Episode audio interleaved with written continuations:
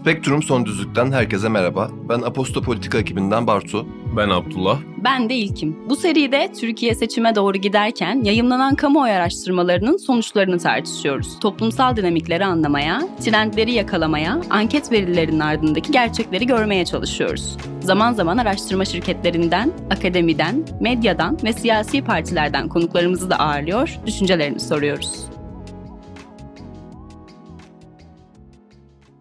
Herkese merhaba. Bugün usta gazeteci ve yazar Umur Talu ile birlikteyiz. Hoş geldiniz. Merhaba, iyi yayınlar. Teşekkür ederim. Yayınımıza katıldığınız için de tekrar teşekkür ederim. Umur Bey ile bugün Türkiye'de medyanın geçirdiği dönüşümü, dünü ve bugününü ayrıca Rütü'nün de geçirdiği dönüşümü konuşacağız. Umur Bey bildiğiniz gibi geçtiğimiz gün İstiklal Caddesi'nde bir patlama meydana geldi. Evet. 6 kişinin öldüğü. Ben e, de epey yakındım. 81 kişi de e, yaralandı ve yani orada aslında şu anda akan bir süreç var. E, ne şekilde ilerleyeceğini bilmiyoruz. O yüzden bu konunun dışında şundan bahsetmek istiyorum. Patlama meydana geldiği sırada sosyal medyada özellikle bir haber akışı meydana geldi biliyorsunuz. Birçok farklı insan farklı şekilde nitelendirdi. Kimi e, çantanın içinde olduğunu, kimi can canlı bomba olduğunu, kimi doğal gaz patlaması olduğunu söyledi. Ve ciddi bir dezenformasyon yaşandı aslında. Bu sırada da resmi makamlar e, açıklamalarda bulundu. Farklı değerlendirmeler olduğunu, henüz şu an araştırıldığını söylediler ve kısa süre sonra Rütük bir yayın yasağı getirdi biliyorsunuz. Bu yayın yasağının ardından belirli bir süre internette yavaşlatıldı. Öncelikle şunu sor- sorarak başlamak istiyorum. Böyle bir dönemde, böyle bir süreçte ki Türkiye çok uzun zamandır bu patlamaları aslında yaşamıyor. Yani biraz uzaklaşmıştık, biraz soğumuştuk bu gündemden yeniden bu bellek ortaya çıktı ve hatırlamaya başladık. Böyle bir kriz ortamında Rütün bir anda yayın yasağı getirmesi sizce nasıl bir hamledir? Bununla ilgili görüşlerinizle başlayalım. Yani şimdi tabii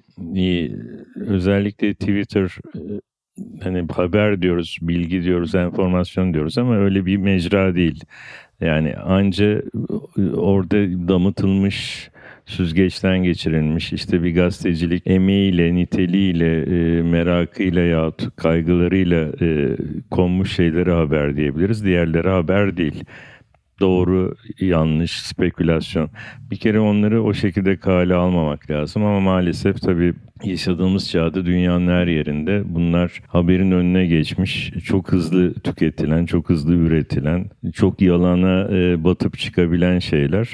E, dolayısıyla bu ortamda ne olması gerekir? Doğru bilginin yahut yalanlayan bilgilerin diyelim çok hızlı yayılması lazım. Ama bunun için de sizin o makamlara güvenmeniz lazım. Şimdi bir kere böyle bir güven sorunu olduğundan henüz araştırılıyor lafı tatmin etmiyor. İşte şöyle e, değil böyle lafı hemen tatmin etmiyor ve insanlar bir de çok sayıda insanın geçtiği bir yer yani buna uzaktan tanık olan o sırada gördüğünü gerçek zannedenler de var yani sadece dışarıdan e, atan sallayanlar değil bir de oradakiler de yanılabiliyor ayrıca gördüklerinden. O süreçte hatta şöyle bir şey de yaşandı. Yayın yasağı gelmeden önce bir video düştü. Ee, bir e, kadının çanta bırak bıraktı, çantanın Başka patladı. Başka bir kadının adı telaffuz edildi orada burada etmeyelim. Ee, çok da onu zor durumda bırakan, e, hedef yani, gösteren bir tweet atıldı biri tarafından üstelik de bir siyasi evet. tarafından. Yani resmi makamlar da daha hmm. olaya müdahalesi de biraz e, yani beklenildiği kadar hızlı ilerlemedi gibi ki çok fazla görüntü döndü, konuşma ya bence döndü. Bence hız, hızlı denilebilecek şekilde ilerledi. Ee, ama zaten bu zamanda o kadar çok kamera var ki yani eğer canlı bomba değilse onu takip etmek çok mümkün. Canlı bomba ise zaten orada e, olay yerinde bir şey elde etmeye çalışıyorsunuz. Sonraki yasan makul bir gerekçesi var gibi gözüküyor. Yani bu kadar çok manipülatif, spekülatif hatta bilhassa yanlış yönlendirici, başkalarına hedef gösterici yayın yapılıyorsa. Ama işte burada şu meseleye geliyoruz yani doğru bilgi niye yanlış bilgi bilgi demeyelim yanlış olan şey de yanlış e, söylentileri yenemiyor. İşte bu tamamen bir güven sorunu. Gazeteye güvenmiyorsunuz. Yani daha klasik konvansiyonel kurumlara. Ee, bir takım haber siteleri var. Onlarla ilgili insanların görüşleri kendi pozisyonlarına göre farklılaşabiliyor. Ona güveniyor, buna güvenmiyor. Bu arada zaten onların bir bölümü de manipülatif yerler. Yasağa gelince çare değil tabii ki. Yani onun dışında bütün söylentiler yine dönebiliyor. Biraz sonra yasağı kaldırdığınızda yine devam ediyor. İlelebet yasaklayamayacağınız bir mecra ile uğraşıyorsunuz. Burada Rütük'ün fonksiyonunu ve dönüşümünü sordunuz. Aslında Rütük dönüşmedi bence. Rütük böyle kuruldu. Rütük bir 12 Eylül kurumu. Tabii ki o zamanki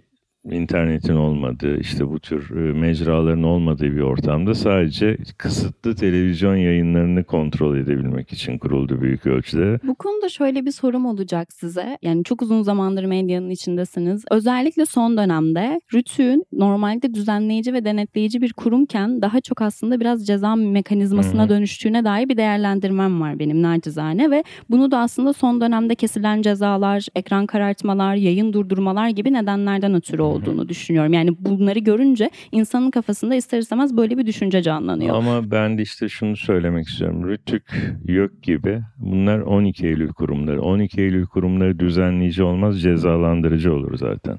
Çünkü doğası o. Yani ceza vermek, engellemek, yasaklamak hatta e, kazımak üstüne ku- kurulu kurumlar. E, Nitekim ilk uygulamaları da hep e, özellikle YÖK'ün üniversiteyi temizlemek oldu. Bir düzenleyicilik değil bu. Bu cadı avı kendine göre. Rütük de zaman içinde evrildi. Bizim burada soracağımız soru şu yani 12 Eylül kurumunu daha da beter hale getiren demokrasi nasıl bir demokrasidir? Bir 12 Eylül kurumunu değiştiremeyen, bunun yerine çok daha demokratik bir yapı kur- kuramayan elbette denetim ihtiyacı vardır. Yani etik açıdan, deontolojik açıdan ama bunu değiştiremeyen, dönüştüremeyen bir şeyin bir de 12 Eylül'le darbelere karşı olduğunu iddia etmesi hakikaten tarihin bize ironisi, ironiden de öte anlamamız için çok değerli bir ipucu yani. Neyin değişmediği. Baskı kurumlarını aynen muhafaza ederek kendi iktidarınızı tahkim ediyorsanız ondan sonra istediğiniz kadar darbe karşıtı olduğunu söyleyin. Hayır siz bir darbenin kurumuyla hareket ediyorsunuz ve işte o da giderek daha müdahaleci, kendi ideolojik görüşünü açıklayan bir kurum haline geliyor bizzat başkanın ağzıyla. Yani burada e, asıl trajik olan kısmı şöyle bir düşüncem var. Şimdi eskiden de dediğiniz gibi bir ceza mekanizması olmasına rağmen hiçbir haberci, hiçbir gazeteci yaptığı haberden korkmuyordu Rütük'ten. Ama şu dönemde, son dönemde özellikle belki biraz da işin e, maddi boyutu var ki zaten maddi boyutu var ama bunun yanında bence çok e, manevi bir zararı da var. Yani insanların özellikle gazetecilik mesleğini icra eden kişilerin ciddi anlamda kendilerine bir otosansür uygulamaya başladıkları bir döneme girdik ister Tabii istemez. ama ben size 21 yıl önceyi söyleyeyim yani e, 21 yıl mı oluyor? Yani AKP'nin henüz iktidar olmadığı e, dönemi e, ne tuhaf değil mi? Devlet Bahçeli yine iktidardı. E, Ecevit koalisyonu Mesut Yılmaz ve Devlet Bahçeli ile büyük medya patronlarının istediği bir rütük yasası vardı. O ne istiyorlardı onlar? Bu tür bir şey değil tabii. Televizyon sahiplerinin özellikle medyada işte patronların banka, kurma ve farklı sektörlerde faaliyet yapabilmesi için yapıyorlardı zaten de bunun yasallaşmasını istiyorlardı ve neredeyse kendileri hazırlayıp bunu e, koalisyona teslim ettiler ve maalesef koalisyonun içinde iki istisnai milletvekili dışında kimi gazetecilikten gelme olanlar da dahil hepsi buna imza attı. Şimdi o Yasa maddi tarafını ben söyledim ama o yasaya büyük ölçüde herhalde MHP'nin o zamanki isteğiyle gazetecilere hapis yani bir basın kanunu külliyatı da eklendi. Dolayısıyla patrona banka izni gazeteciye hapis getiren bir paket oluştu. Burada trajik olan şuydu gazeteciye hapis için bile itiraz edemedi. Bugün maalesef çoğu kendini demokrat olarak yani hem muhalif demokrat hem iktidarın demokratları tırnak içinde olanların gerçi iktidarın demokratları o zaman çok muhalif oldukları için bir bölümü buna karşıydı ama e, bugün muhalif demokrat olanların önemli bölümü kendi medya grupları içinde yani Hürriyet, Milliyet, Sabah gibi büyük gruplar içinde buna ses çıkaramadı. Yani buradaki zihniyet de şuydu patrona geçit gazeteciye baskı bir gazetecinin patronunun bundan rahatsız olmaması, gazetecilerin bizatihi kendilerinin rahatsız olmaması ve biraz daha tuzu kuru, daha güçlü, daha ünlü gazetecilerin ise buna laf edememesi hakikaten bence bu sürecin en trajik hallerinden 20 biriydi. yıl sonra aynısını yaşıyoruz Yani aslında. şimdi şöyle söyleyeyim yani Kenan Evren 2001 de işte koalisyon o gün koalisyon ve 2022 AKP. Nasıl bir devamlılıktır yani inanılmaz bir devamlılıktır. Tabii unutulduğu için o zamanki yok zannediliyor. O zaman Refah Partisi daha sonra işte Fazilet, işte daha sonra kurulduğunda AKP bu kanuna karşıydı ve en çok karşı olan da o zamanki şimdi muhaliflerin sevdiği Ahmet Necdet Sezer'di Cumhurbaşkanı. Hem Anayasa Mahkemesi Başkanı iken hem Cumhurbaşkanı iken. Sizin söylediğiniz şey o zaman başladı aslında. Zaten şöyle oluyor yani iktidar değişiyor ve kullanışlı bir takım araçlar buluyor. Sonra araçlarla yetinmiyor, kullanışlı insanları arıyor yahut bunları üretiyor, yeniden üretiyor, değiştiriyor, dönüştürüyor. Sonra onlar da yetmiyor. E, kullanamadıklarını bu sefer kazımaya başlıyor. insanları ve araçları. Yaşadığımız süreç bunun en vahim noktalarından biri. Peki bu süreçte yani o dönemdeyken bundan 21 yıl önce siz e, bugünkü gibi bir otosansür görüyor muydunuz? Yani bu kadar kendini Ne- baskılayan Ben kendi evet içinde. şöyle söyleyeyim size yani isimleri tabii ki söylemeyeceğim. Onlar kendilerini biliyorlar ama bildiğiniz yani çok ünlü, çok demokrat, çok cumhuriyetçi, bakın şey muhafazakarları demiyorum çünkü onlar o sıra muhalif pozisyonundaydı.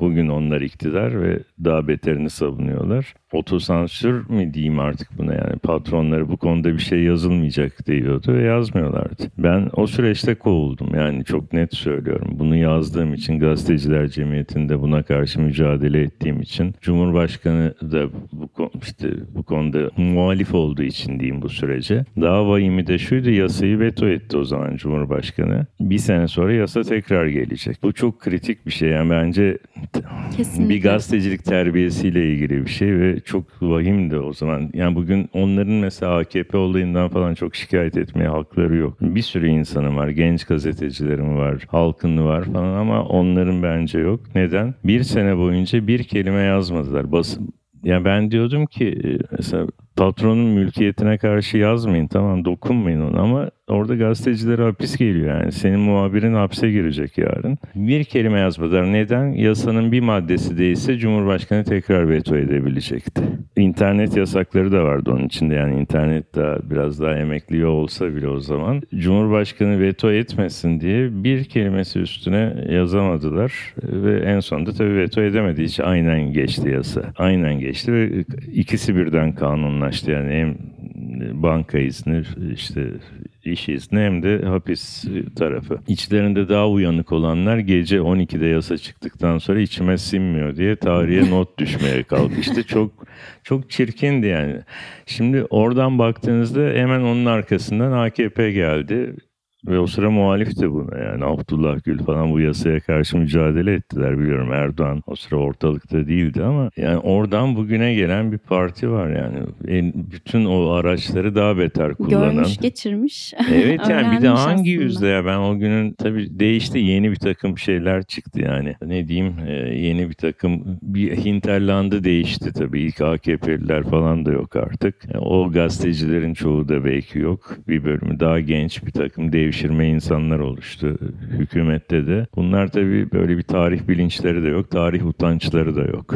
İktidardan bahsediyorken ve iktidarın med- medyaya etkisinden de bahsediyorken bu dezenformasyon yasasının diğer bir ayağı benim için önemli olan bir ayağından da konuşmak istiyorum. Şimdi 2023 seçimlerine neredeyse 7 ay kaldı biliyorsunuz ve 20 yıldır yapılacak en önemli seçimlerden biri olduğu söyleniyor şu anda. Farklı isimler bunu zikrediyor. Siyasiler bile aslında bunu düşünüyor ve bunu söylüyor. Bu nedenle aslında şöyle medya bu seçim dönemlerinde bence çok büyük önem taşıyor. Zaten dördüncü güç olarak atfedilmiş bir kurumdan bahsediyoruz.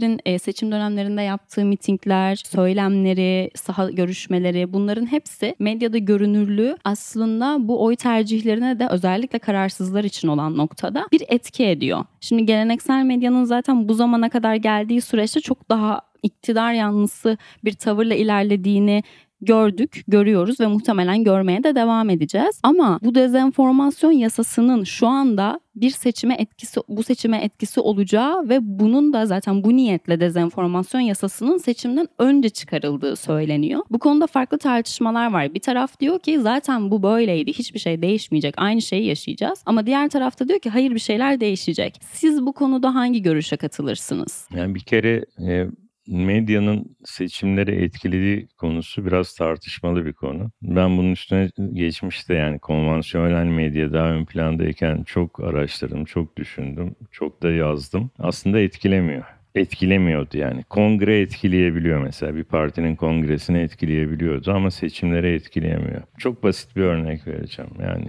1789 devrimi, 1848 devrimleri, 1917 Sovyet devrimi, İstiklal Savaşı. Gazeteler var elbette ama var mı bir telefon var mı? İnternet var mı? Herhangi bir toplanma çağrısı var mı? Bu insanlar barikatlara koşuyorlar.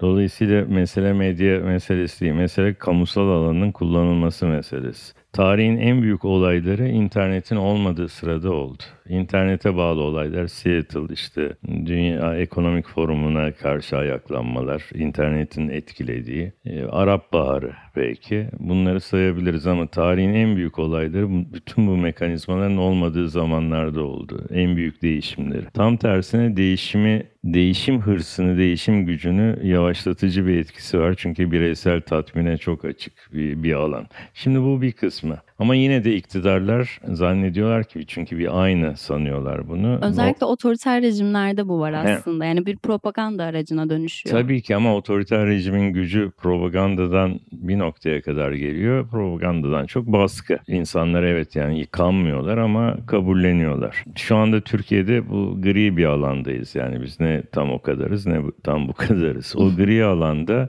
bilgi de yayılır, söylem de yayılır. Ne yaparsanız yapın yayılır. Bence yani artık iktidarların bunu kontrol etmesi çok güç ama yine ironik bir şekilde yasanın adının dezenformasyon yasası olması yani zaten dezenforme etmek üzere bir yasa tasarlandığını gösteriyor. Hani sözde yanlış enformasyonu engellemek değil, yanlış enformasyonun, manipülatifin yayılmasını kolaylaştırmak için adı üstünde zaten öyle. Bence bunları etkilemez. Bence insanlar gazete okuyarak Twitter yani 80 milyonluk bir ülkede işte 40 milyon mu seçmen var belki daha da fazla artık. Bunların hepsinin her gün Twitter takip ettiğini, bunların hepsine yani Twitter'a giren daha çok eğlenmeye bakıyor birçoğu. Instagram'a giren işte neşesini bulmaya çalışıyor. Bunların her gün her haberle ilgilenip etkilendiğini düşünemeyiz. Neyle etkileniyor? çocuğuna çocuğu dondurma isteyip tost isteyip alamadığında etkileniyor. Çocuğuna çanta alamadığında etkileniyor. Yahut işte bir şeye maruz kaldığında başörtüsüyle bile polis dayağına maruz kaldığında etkileniyor. Aynı polis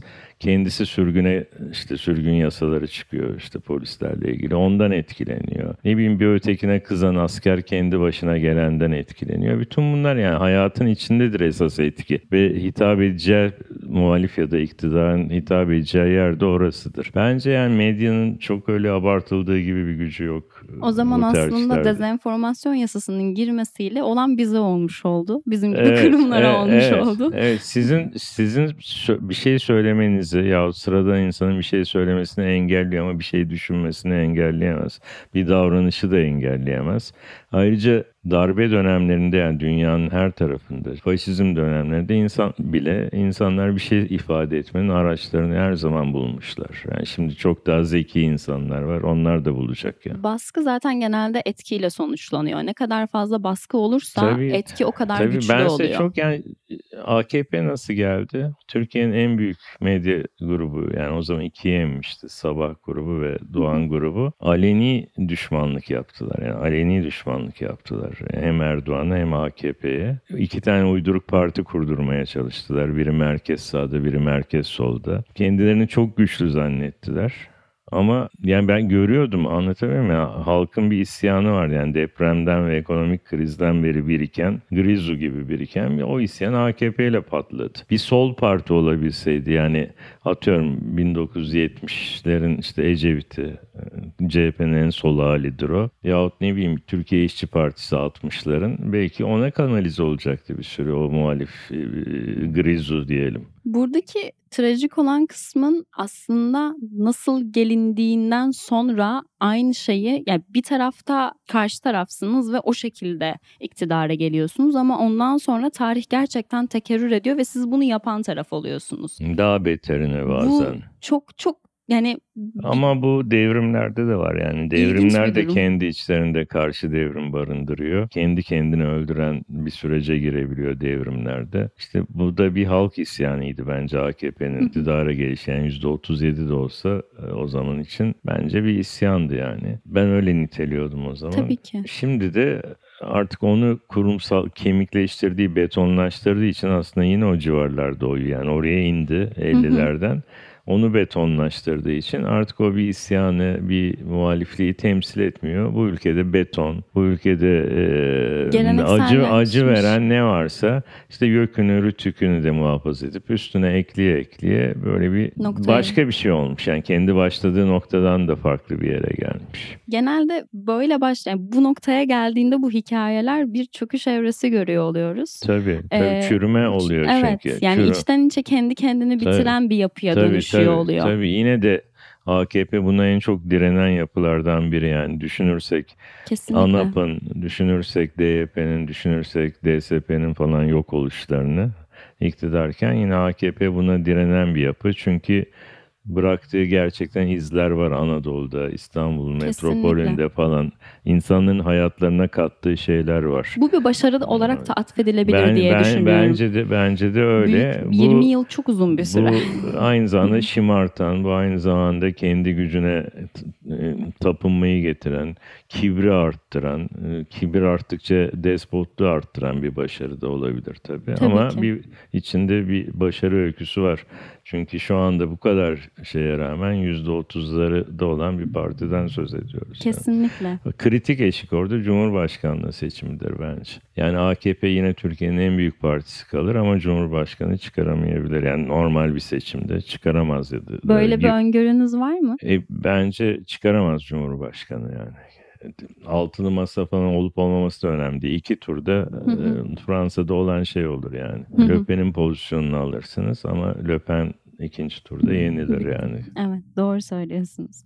Ee, biraz daha medyaya döneceğim Hı hı. müsaadenizle. Şimdi sosyal medyanın var olmadığı dönemde zaten demin de bahsettik. Geleneksel medya e, tüm problemlere rağmen oldukça güçlüydü ve seçilmiş yöneticileri denetleyen, eleştiren bir kurumdu. Bugün artık biraz daha eski gücünü ve itibarını kaybettiğini görüyoruz ve medyanın da artık dijital bir dönüşüm sürecine girdiğini görüyoruz aslında. Yine de şimdi böyle bir dönüşüm olsa da yeni medyanın da geleneksel medya kadar güçlü bir konumu olmadığını, o ana akımın gücüne sahip olmadığını görüyoruz. Bu değişimi, bu farklı konumlandırmaları siz nasıl değerlendiriyorsunuz? Yeni medya ile eski medyayı karşılaştırdığınızda nasıl bir karşılaştırma yaparsınız ve bu mesleğin eski itibarını kazanması sizce nasıl mümkün Bir olur? kere o eski medya kalmadı. Yani bu birkaç açıdan tamam bir yandan dünyanın gidişatı, medyanın gidişatı, işte teknolojinin gidişatı ama bir yandan da bilinçli bir şekilde çökertildi ve iktidar e, merkez medyayı kendi malı yapmaya çalışırken elinde bir medya kalmadı aslında. Televizyonlar biraz daha farklı. Orada da müthiş bir kakafoni var yani. Çok kanal var. E, Her kanalı izleyip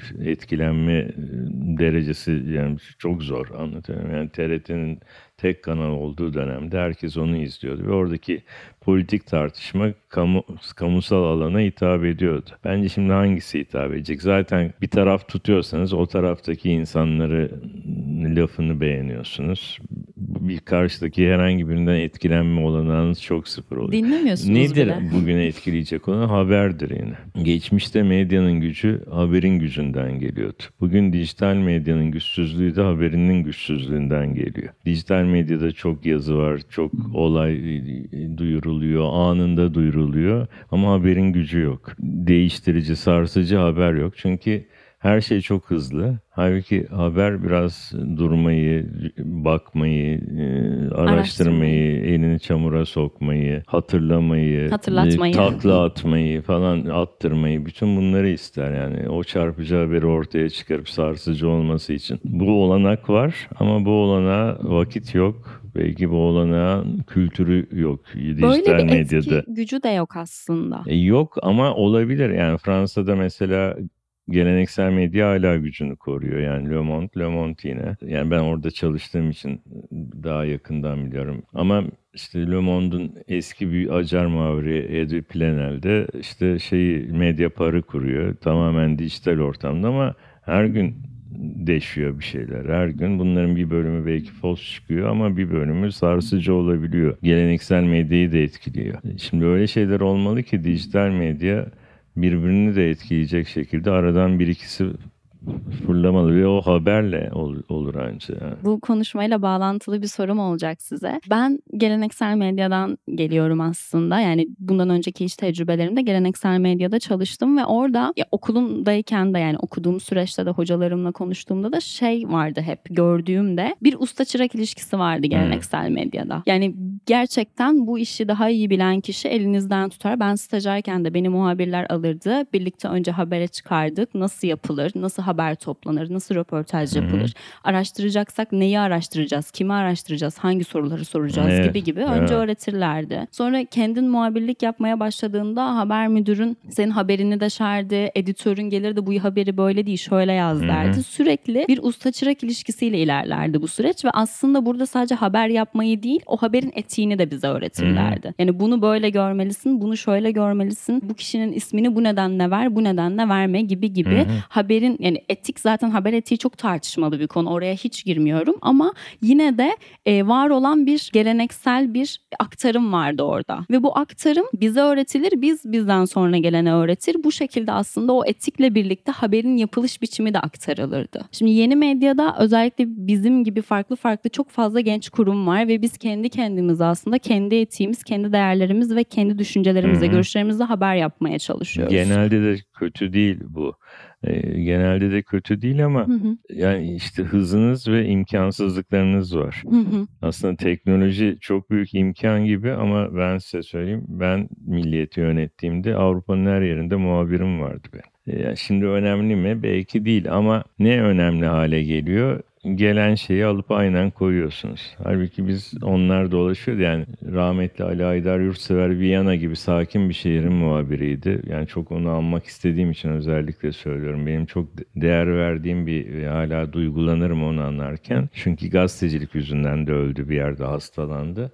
Yani Viyana'dan Irak'a ilk giren, işte oradan ilk uydu bağlantısını yapan, dünyayı da servis yapan, onu da çok dürüstçe gazeteye kazanç haline getiren, falan e, bir gazeteciydi. İşte Somali'ye de gitti. Yani her yere gidiyordu. İşte bizim Cenk başlamış Moskova'daydı. Ahmet Sever e, Brüksel'deydi. Paris'te Mine Kırıkkanat vardı. Yani her tarafta muhabirimiz vardı bizim.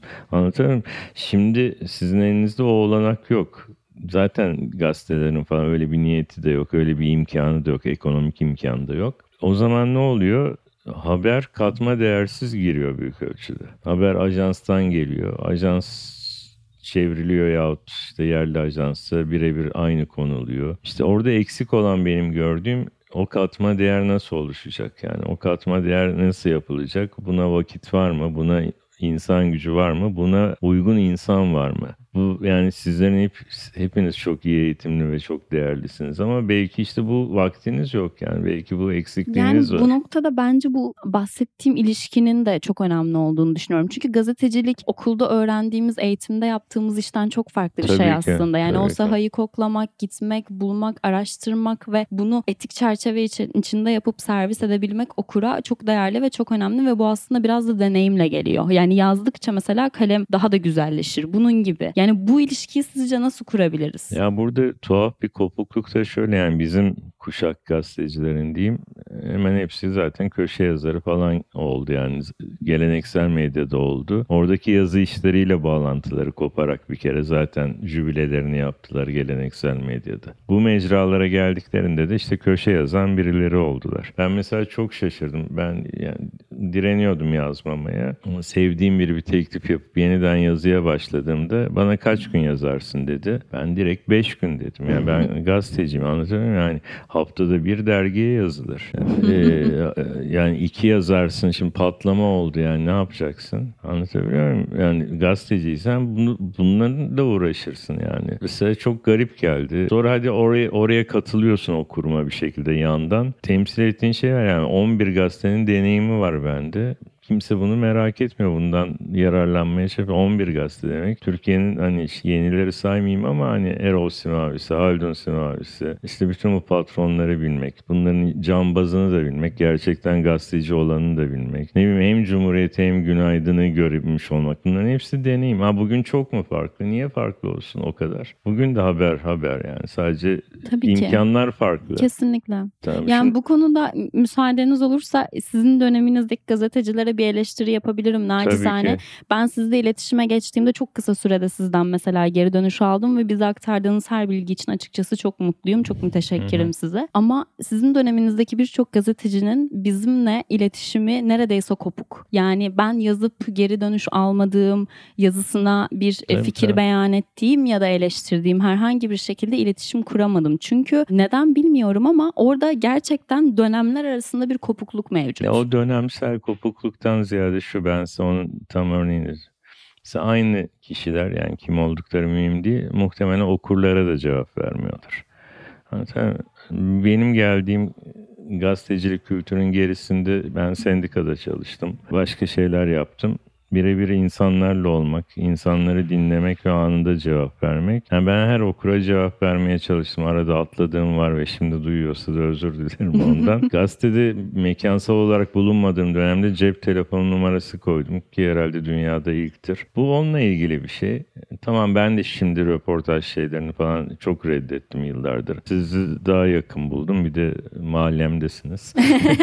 Çok teşekkür ederiz. Komşumsunuz Komşuyuz, ondan evet. yoksa tamam ben de reddettim ama reddettim yani cevap verdim. Ya bu karşılıklı iki tarafında şey var. Yani bir sürü yerde bir sürü insan yazı yazıyor ama onları günlük yazı işleri akışı içinde ne derece yararlanıyorlar o meçhul yani. Tabii ki. Yani kapı çalıp da cevap almadığım çok Ha, oldu. Olmuştur. E bunu zaten benim dönemimdeki birçok insan yaşıyordur. Sadece demek istediğim şey bu ilişkinin ben çok değerli olduğunu düşünüyorum Tabii, ve tabii. e, yarın öbür gün bu mesleği biz sizlerin ardından sürdürüyor olacağız. O yüzden nacizane bize görüşlerini aktarmak, fikirlerini vermek ve bu işin nasıl yapılacağını an- anlatmanın aslında o mirası taşımak için bizim de e, boynumuzun borcu aslında Tabii, zaten tabii, yani. Çok tabii. isteriz. Niye istemeyelim?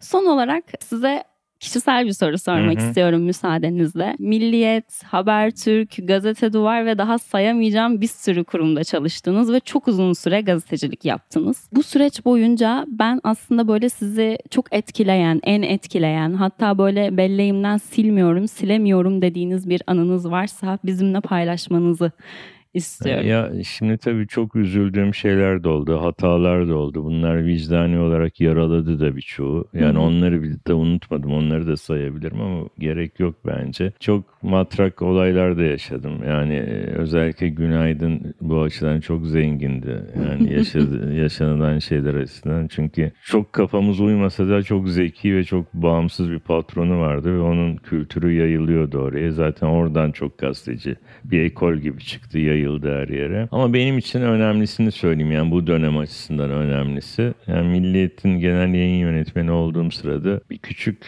TİO'dan e, yola çıkıp o zamanki başbakanın Amerika'daki servetini ortaya çıkarmıştı. Rahmetli Turan Yavuz uğraşmıştı orada. Şöyle de bir dönem Hürriyet'le Milliyet o zaman yani aynı grup değildi. Hürriyet birinci gazete yahut Sabah işte değişiyordu. Milliyet üçüncü gazete. Yani aslında Ansiklopedi Savaşı ile bir de oldu falan. Öyle bir dönem ama üç ayrı gruptu. Bu iki grup iktidarı destekliyordu. Biz bağımsızdık. Ve başbakan hakikaten dört tane mülkünü Amerika'da ortaya çıkardık. Bir dünyanın her yerinde bu olaydır. Yani Fransa'da anında gider mesela gizlemişse bunu beyan etmemişse. Başka yerlerde de çok ciddi sorun olur. Türkiye'de de oldu yani bu mülk buradaki matrak olay şuydu. Saat 5'e kadar hepsini benim odada hazırladık. Bütün sayfaları, proofları. Gazetenin sistemine bile girmedi haber. 5'te gazetenin patronuna proofları götürdüm ve dedim ki bu kanıtlanmış. Belgeleri de dosyada elimde haber.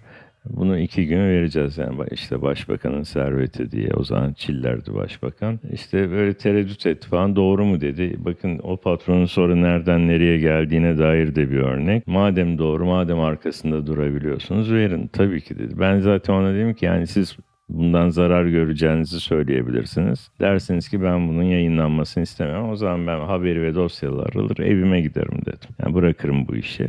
ama yok güveniyorsanız yayınlarız dedik. Yani yayınlarken de e, o gazetenin medya grubunun kanalına anons verdik. Yarın başbakanın servetini açıklıyoruz diye. Tabii başbakan panikledi. O zaman İstanbul Emniyet Müdürü de işte önemli bir isim. Gece gazeteyi, fasikülü bulmaya çalıştılar. Polis ekipleri geldi. Biz de yöneticiler çoğumuz gazeteyi terk ettik. Cep telefonunu kapattık. Bu da patronun vazgeçme şeyine karşı bir önlemdi. Tabii ki başka kanaldan gazeteyle konuşuyordum ama dedi ki arkadaşlar geziciler bir polis ekibi geldi. Başkomiser var başlarında. Yarınki gazete istiyorlar. O sırada dönüyor makinede ve makinelerde atrium gibi gözüküyor zaten e, milliyetin. Şimdi hürriyet binası mı oldu karma karıştı hepsi. Ben de onlara dedim ki yani yarınki gazeteyi değil bir set bu sabah çıkmış olan eski gazeteyi verin. Yani başbakanın evine yalısına o sırada İstanbul'da Yeniköy'de yalıdaydı. O set gitti. Yani zaten o günkü sabah çıkmış sıradan gazete.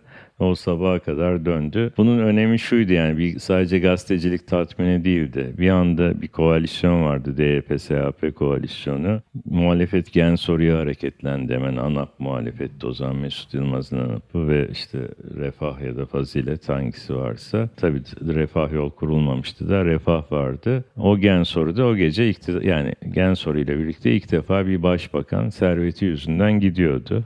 Son anda SHP lideri Murat Karayalçın caydı, sulandırdı. Bütün gelmiş geçmiş başbakanların serveti soruşturmasına döndü falan. Ama bence bugün için önemine bir başbakanın, bir iktidarın serveti yayınlanabiliyordu. O medya patronu sonradan ne olursa olsun o gün onun arkasında durabilmişti. Gazetede çalışanların hepsi bu haberle mutlu olabilmiş, gerçek gazeteci olduklarını hissedebilmişti. Ben de size burada anı diye bir köşe yazarlı olayı ya da matrak bir şey anlatmıyorum. Bunu anlatıyorum önemsediğim için.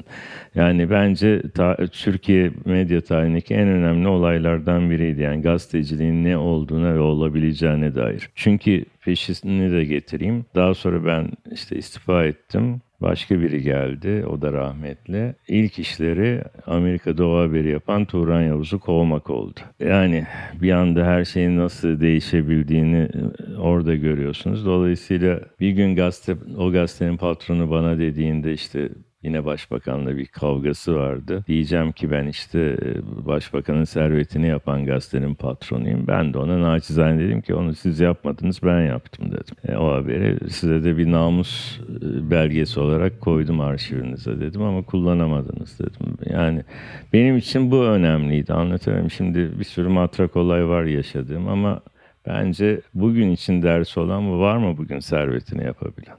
Asla. Yani bir sürü laf çıkıyor da böyle belgesiyle şeyiyle koyan ve arkasında durabilen yok. ya Bir sürü laf çıkıyor yoksa tabii ki şöyle bir. Belki de bugün yapmak da zor, saymak da zor çok, ya. Çok etkileyici bir anı.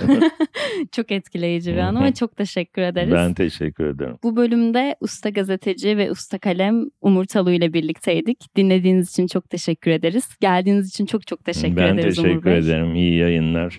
Dinleyenlere de iyilikler dilerim. Çok sağ olun. Haftaya görüşmek üzere. Hoşçakalın.